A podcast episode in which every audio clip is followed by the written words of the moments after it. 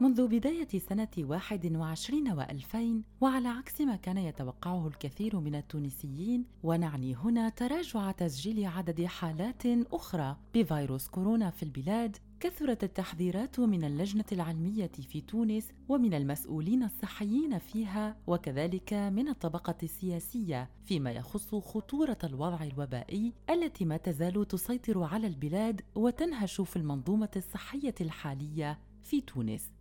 انتشار فيروس كورونا في صفوف المواطنين التونسيين ما يزال في نسق متسارع. في وقت حذر فيه مسؤولون كثر من وزارة الصحة التونسية من انهيار المنظومة الصحية بالكامل في ظل دخول البلاد في مرحلة وبائية ومنعرج صحي خطير جدا. انكب المسؤولون السياسيون في البلاد في بداية هذه السنة على تقارير صحية من الهيئة العلمية في مجلس النواب تبين بأن الأرقام خطيرة جدا. أرقام تخص عدد الوفيات وعدد الحالات الجديدة التي تسجل كل يوم في تونس. مدير معهد باستور وعضو اللجنة العلمية لمتابعة انتشار فيروس كورونا في تونس السيد الهاشمي الوزير والذي سنستمع لتصريحه بعد قليل خاصة فيما يخص جرعات التلقيح التي سيتلقاها التونسيون ومن هي الفئات المعنية بالتلقيح والتي ستتمتع بالأولوية في ذلك؟ كان وفي تصريحات كثيرة له قد وصف الوضع الوبائي في تونس بالخطير جدا خصوصا في ظل ارتفاع عدد المصابين والوفيات بالفيروس خلال الأسبوعين الأخيرين من شهر جانفي الفارط وأشار إلى أن تونس قد دخلت في مرحلة حرجة جدا وهي المرحلة الوبائية الرابعة والأخيرة والتي تعد خطيرة جدا وتتميز بالانتشار السريع للوباء وقد دعا الجميع إلى مزيد من إحكام تطبيق الإجراءات الوقائية وخاصة بشكل شخصي. وقد أضاف قائلا بأنه على الرغم من وجود ضغط كبير جدا على أسرة الإنعاش في بعض المناطق من البلاد إلا أن هذا لا ينطبق على جميع المؤسسات الاستشفائية خاصة منها تلك التي لم تستوفي طاقة الاستيعاب بعد مشددا على ضرورة التنسيق بين المستشفيات للتجاوب مع النسق السريع للإصابات في تونس. النقطة الفارقة هنا وما خلق تخوفا جديدا لدى التونسيين هو تسجيل لإصابات بالطفرة البريطانية الجديدة والتي تساءل الكثيرون من أين أتت هذه الطفرة في تونس وكيف ظهرت خاصة وأن الحالة التي كانت مصابة بها تحمل الجنسية التونسية، وهذا يعني بأن الحالة قد ظهرت عبر قدوم من الخارج. رئيسة المركز الوطني التونسي للأمراض الجديدة والمستجدة نصاف بن عليا والتي كنا قد استمعنا إليها في حلقات فارطة من بودكاست في عشرين دقيقة تقدم تصريحها فيما يخص هذه النقطة بالذات وهي ظهور الطفرة البريطانية في تونس لأول مرة.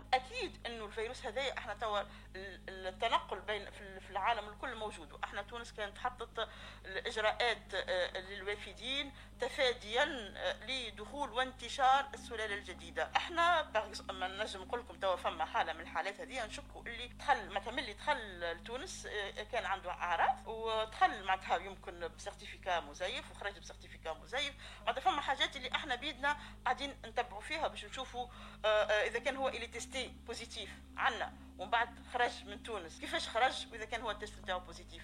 هذو الحاجات اللي لازم نقفوا عليهم بالقدا آه إحنا آه آه المهم إنك تحط إجراءات لكن الأهم إنك تطبقها الإجراءات هذه. وتطبيق الإجراءات مش دور وزارة الصحة وحدها. وزارة الصحة أكيد إنها هي عنصر مهم في الإجراءات الصحية.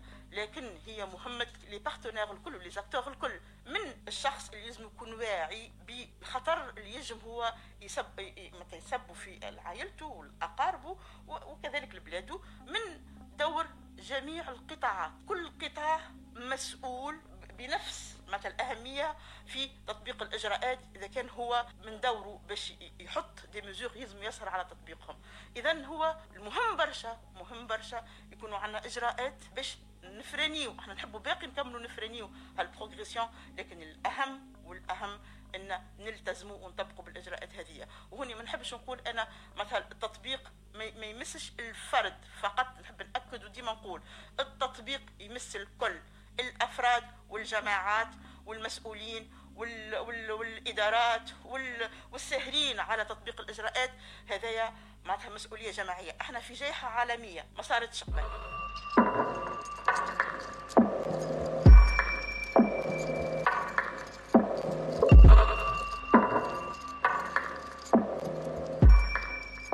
تطور الحالة الوبائية في تونس يبدو مخيفا عبر الأرقام يوما بعد يوم فثبوت حمل شخصين من منطقة الرحيات في ولاية القصرين مثلا للطفرة البريطانية من فيروس كورونا أكد على أن هناك خطرا محدقا وقادما لتونس. فقد أثبتت نتائج نهائية لأربع عينات تم رفعها مؤخرا لأشخاص مصابين بفيروس كورونا من أصيلي منطقة الرحيات كما قلت داخل معتمدية سبيتلا من ولاية القصرين لإخضاعها للتقطيع الجيني بالمخبر المرجعي بمستشفى شارل نيكول بالعاصمة التونسية وذلك بعد الاشتباه في حملهم للسلالة البريطانية. ثبت وجود هذه السلالة فعلا في العينتين وفق ما أفاد به كاهية مدير الرعاية الصحية الأساسية بالإدارة الجهوية للصحة بالقصرين السيد منصف المحمدي. وأما فيما يخص نتائج بقية العينات التي تم رفعها مؤخرا للمخابر المرجعية بتونس العاصمة كي تخضع للتقطيع الجيني هي الأخرى. لذات الهدف فنتائجها سيتم التحصل عليها إما اليوم أو غدا على أقصى تقدير. من ولاية القصرين التونسية إلى ولاية نابل التي ارتفع مجموع الوفيات فيها جراء الإصابة بفيروس كورونا المستجد إلى 488 حالة وذلك بعد تسجيل خمس وفيات جديدة من بينها حالتي وفاة تم تسجيلهما يوم السبت الفارط وفق ما أوردته الإدارة الجهوية للصحة في تقريرها الدوري والذي له علاقة بانتشار فيروس كورونا في الولاية. وكما أسفرت التحاليل المخبرية الأخيرة والبالغ عددها 193 تحليلاً عن تسجيل 18 إصابة جديدة ليرتفع مجموع الإصابات المكتشفة إلى 16012 حالة منذ بداية الجائحة. وفي المقابل تقلص عدد الحالات النشيطة من المصابين بفيروس كورونا المستجد إلى 345 حالة بعد شفاء 40 منها وذلك خلال الساعات الساعات الأربع والعشرين الأخيرة. أما في ولاية سوسة تم تسجيل حالة وفاة وحيدة مقابل 56 إصابة جديدة بفيروس كورونا والتي أعلنت عنها الإدارة الجهوية للصحة بسوسة البارحة كي تصل عدد الحالات المسجلة بالجهة منذ ظهور الوباء إلى 16595 حالة. شفي منها 14342 حالة وتوفي منها 564 60 حالة. من خلال الأرقام التي قدمتها لكم والتي لم يكن في وسعي بسط حالة كل الولايات التونسية من خلالها فقط اخترت لكم بضع الولايات على سبيل المثال حتى نبين لكم بأن الحالة الوبائية في تونس وعلى الرغم من كثرة حالات الشفاء ولكن الإصابات متواصلة وتطويق هذا الوباء يبدو شبه مستحيل في تونس. جهود المسؤولين في القطاع الصحي في تونس متواصلة في خطى حثيثة منها لمحاولة إيجاد السبل الكفيلة بتطبيق أكبر للإجراءات الوقائية وذلك من خلال اجتماعات مكثفة للجنة العلمية التي تنظر في كل مرة في أحدث الطرق لجعل كل هذه الإجراءات تحترم أكثر من أي وقت مضى لمحاولة السيطرة على الوضع الوبائي والتقليل من حدته. الاجتماع هذا يهم الإجراءات اللي تم اتخاذها بالنسبة للوافدين على تونس باش نقوم بعملية تقييم للإجراءات هذه وتقييم خاصة لتطبيق الإجراءات والإشكاليات اللي إحنا آه، لقينا روحنا فيهم في تطبيق الإجراءات هذه. بالنسبة لنا آه، تعرفوا اللي الوضع العالمي حاليا يتميز بظهور السلالات المتحولة اللي هي من شأنها باش آه، ترجع ترجع معناتها انتشار الفيروس هذايا بحد هناك عدة إشكاليات تم التعرض لها في الفترة من اللي بدينا الإجراءات هذه. سنقوم بتقييمها ونشوفوا شنو ادوار المتداخلين الكل في تطبيق الإجراءات هذه باش كل واحد يقوم بالدور نتاعو. اجتماع نتاع اللجنة العلمية كما كل كل مرة باش نقيموا الوضع الوبائي وباش نقيموا كذلك المخاطر المرتبطة بالوضع الوبائي. آه نعملوا معناتها des projections على كذلك مدى تطبيق الإجراءات. واللجنة العلمية ستقوم بإصدار التوصيات نتاعها للهيئه العليا كما كل مرة. بالنسبة لنا حاليا آه، آه، الوضع الوبائي مازال آه، معناتها ما تمتش السيطرة على انتشار الفيروس هذايا كما قاعدين نتبعوا معنا مازلنا نسجلوا في عدد وفيات وعدد حالات جديدة. وحتى ما رجعناش لل situation اللي كنا فيها في سبتمبر. اذا الوضع الوبائي مازال يتطلب منا مجهودات أخرى باش نقوموا بتفادي إن تصير لنا آه، آه، آه، عودة جديدة وتسارع جديد في انتشار الفيروس هذايا.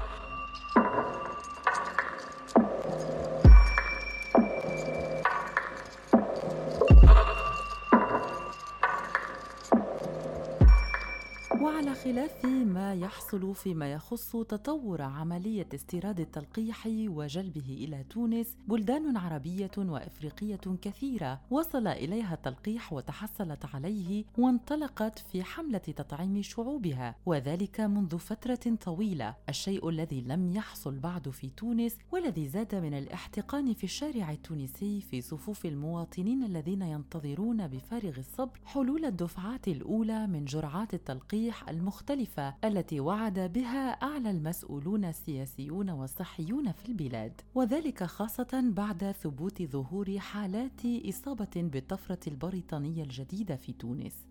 فمنذ يومين انعقد اجتماع الهيئة الوطنية التونسية لمجابهة انتشار فيروس كورونا بقصر الحكومة بالقصبة وذلك تحت إشراف رئيس الحكومة التونسي هشام المشيشي وبحضور عدد من الوزراء والقيادات في الأسلاك الأمنية وأعضاء من اللجنة العلمية. وقد أكد رئيس الحكومة التونسية هشام المشيشي على ضرورة التركيز على وضع رزنامة تلقيح ناجعة جدا وضبط استراتيجية وطنية كاملة للتلقيح مع التحديد الدقيق للفئات الملزمة بالتطعيم بصفة أولية. رئيس لجنة قيادة الحملة الوطنية التونسية للتلقيح ضد كوفيد 19 السيد الهاشمي الوزير أكد أن تلقيحي فايزر وأسترازينيكا سيصلان إلى تونس خلال شهر مارس آذار الجاري وذلك عبر مبادرة كوفاكس بكميات مختلفة تصل إلى 93600 لقاح من فايزر وحوالي 500 ألف تلقيح أسترازينيكا و30 ألف جرعة من لقاح سبوتنيك. سبوتنيك إضافة إلى هبة صينية بثلاثمائة ألف جرعة وأبرز الهاشمي الوزير أن مراكز التلقيح على أتم الاستعداد للبدء في حملة التطعيم وذلك بناء على الاستراتيجية الوطنية التي سيتم وضعها مع تدارس نسبة مناعة التونسيين لاكتساب مناعة أشمل مع حلول فصل الصيف. ومن جهته أكد وزير السياحة ووزير الشؤون الثقافية بالنيابة الحبيب عمار أن الاتصال جار مع الشركاء بالخارج لطرح الإجراءات الجديدة ورزنامة التلقيح والمعايير الموضوعة للإقامة في تونس خلال الموسم السياحي المقبل. وبالنسبة للأنشطة الثقافية فقد أكد الحبيب عمار أن الأنشطة الأنشطة الثقافية ستتواصل حسب البروتوكول الصحي الخاص لكل نشاط ثقافي. تلقيح مبدئيا وحسب المعلومات اللي عندنا توا هو في آخر فيفري أول مارس باش الدفعة الأولى لتلقيح الطاقم الصحي اللي هو في الواجهه وأيضا بعض معناها ناس أخرى اللي مكنوا البلاد باش تخدم. هذه هما حوالي 50 ولا 60 ألف جرعة حتى الطاقم الصحي مش كله. خاطر إحنا الكل في الكل عندنا 120 ألف بما فيهم الصحي في القطاع العام والقطاع الخاص. في اخر فيفري أول مارس. فرض وقت في أول مارس وسط مارس باش يجيونا زاد الدفعات اللي إحنا خذيناهم من عند جهتين من فايزر ومن تاع الكوفاكس. donc أنا نجم نقول لك عملية التلقيح باش تبدأ بالأولويات. بداية نجم نقولوا كان وخرنا بداية من مارس معناها كان مش آخر فيفري. هذه باش تبدأ ومن بعد باش يصير بدفعات دفعات واحدة ورا الأخرى وباش نكملوا حسب الاستراتيجيه اللي موجودة هي. donc فما الأولوية للناس اللي هما متقدمين في السن وعندهم أمراض مزمنة المتقدمين في السن بلاش أمراض مزمنة. ومن بعد اللي هما أقل من 60 سنة وما عندهم وعندهم أمراض مزمنة هذا كله يمثل حوالي مع القطاع الصحي والناس اللي هما تعمل في أماكن استراتيجية يمثلوا حوالي 25% من الشعب التونسي. في مرحلة ثانية باش نكملوا معناها معناها continue معناها بصفه مسترسله باش نزيدوا نوصلوا حتى ل 50% من التوانسه على خاطر الهدف الثاني نتاعنا هو معناها الفيروس ما عادش ينتشر في البلاد وما عادش نقطعوا العدوى ونقطعوا الانتشار نتاعو bien sûr الهدف الأولاني هو تقليص من عدد الحالات الخطيرة حالات الوفيات وباش نكلوا من المنظومة الصحية باش تعمل وأيضا المنظومات الاستراتيجية باش البلاد تقعد قائمه وتقعد كامل تخدم. هذوما هما معناها ابوبري الهدف. إحنا ماذا بينا نوصلوا منا لجوان ولا جويي باش نكونوا أو موا حققنا أكثر من 20% من الناس يكونوا تلقحوا ولا حتى 30 و40% هكاك نجموا معناها نكونوا متفائلين باش ترجع الأمور وترجع العمل ويقصص الضغط على المستشفيات. ومن بعد نجموا حتى نواصلوا باش نكملوا كما قلت لك 50% من التوانسة باش الفيروس ما عادش ينتشر. بيان سور ناخذوا بعين الاعتبار العدد والنسبة اللي هي حوالي 15 20% اللي باش نوصلوا لها.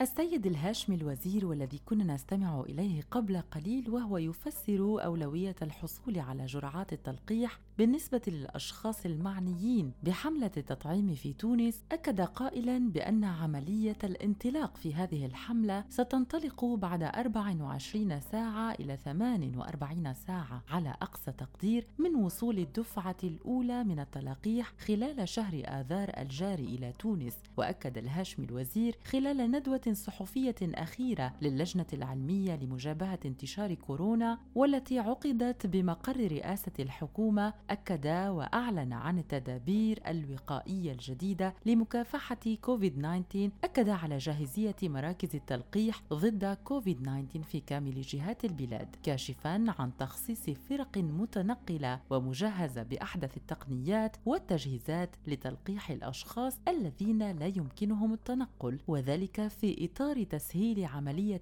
تعميم التطعيم على كل البلاد. وأما فيما يتعلق بنجاعة تخزين التلقيح للمحافظة عليها وعلى فاعليتها أوضح الهاشمي الوزير أن وزارة الصحة لديها أجهزة تبريد كفيلة باحتواء عدد كبير من مختلف أنواع التلقيح التي سيتم توريدها بداية من الشهر الجاري. وقال إن لوزارة الصحة ما يقارب خمس مبردات عملاقة لحفظ تلقيح فايزر في درجات حرارة تصل إلى 70 درجة تحت الصفر مرجحا توريد ثمان مبردات أخرى في الفترة المقبلة لحفظ التلقيح الباقية. وقد ذكر الهاشمي الوزير بأن تونس لديها تقاليد عريقة وقديمة في عمليات التلقيح ضد عدد من الأمراض لا سيما التلقيح الموجهة للأطفال والتي تصل نسبتها وفق قوله إلى 95% الأسبوع الفارط وعلى مواقع التواصل الاجتماعي خاصة منها فيسبوك. تفاعل المواطنون التونسيون بشكل سلبي جدا مع تعاطي الحكومة التونسية مع ملف التلقيح في تونس. وأغلبية المواطنين التونسيين قالوا بأنهم يلاحظون تواكلا كبيرا وتلكؤا من الحكومة التونسية في جلب التلقيح ومن التعاليق الساخرة التي قرأناها على مواقع التواصل الاجتماعي أن الحكومة التونسية تملك عصا سوف تشفي بها كل من مرض في تونس من دون لقاح. وتعاليق أخرى عبرت عن غضب واستياء التونسيين من انتظارهم الطويل لوصول أولى جرعات التلقيح إلى تونس. ويبدو أن هذه التصاريح الأخيرة لمختلف الوزراء والمسؤولين في اللجان العلمية المختلفة خاصة منهم السيد الهاشمي الوزير المسؤول على حملة التطعيم في تونس يبدو أن تصريحه قد هدأ من روع المواطنين التونسيين وطمانهم بأن حملة التطعيم سوف تنطلق عن قريب. ومن المؤكد أن النسق المتزايد لانتشار فيروس كورونا في تونس وظهور طفرات جديدة قادمة من بريطانيا أو غيرها من البلدان التي ظهرت فيها كورونا في حلة جديدة ألزم الحكومة التونسية بالإسراع في إيجاد حلول ناجعة من أبرزها البدء في حملة التطعيم في تونس خاصة وأن الاقتصاد التونسي لم يعد يتحمل موسما سياحيا آخر في الصيف من دون سياح ولم يعد كذلك يتحمل قرارات أخرى بفرض حجر شامل في البلاد تتعطل فيه الحركة الاقتصادية وتركض فيه عجلتها. وهذا يعني بأن الحل الوحيد الآن هو تعميم اللقاحات على مختلف المواطنين التونسيين في كل الولايات التونسية ومن ثم محاولة العودة تدريجيا إلى حياة شبه طبيعية حتى يتم إنقاذ ما يمكن إنقاذه مما دمر من الاقتصاد التونسي خاصة. وهذا لسبب وجيه جدا وهو تراكم الديون على تونس من صندوق النقد الدولي الذي حذر في أكثر من مناسبة يمكن أن تعيش عن قريب السيناريو اللبناني إن لم تجد مخرجا من هذا المأزق الاقتصادي الحاد الذي وقعت فيه بسبب كثرة ديونها وعدم قدرتها على استخدام هذه الأموال الطائلة المتأتية من الديون في خلق حركة إنتاجية وإنما استخدامها فقط لتغطية مصاريفها. برأيكم مستمعينا هل تملك تونس حظوظا لإنقاذ اقتصادها إن قامت بحملة التطعيم عن قريب أم إن التلقيح وحدها لا تكفي لدفع عجلة الاقتصاد في تونس من جديد؟ ننتظر آراءكم وتعاليقكم أسفل حلقة اليوم من بودكاست في عشرين دقيقة على راديو الآن شكرا لكم على المتابعة وإلى اللقاء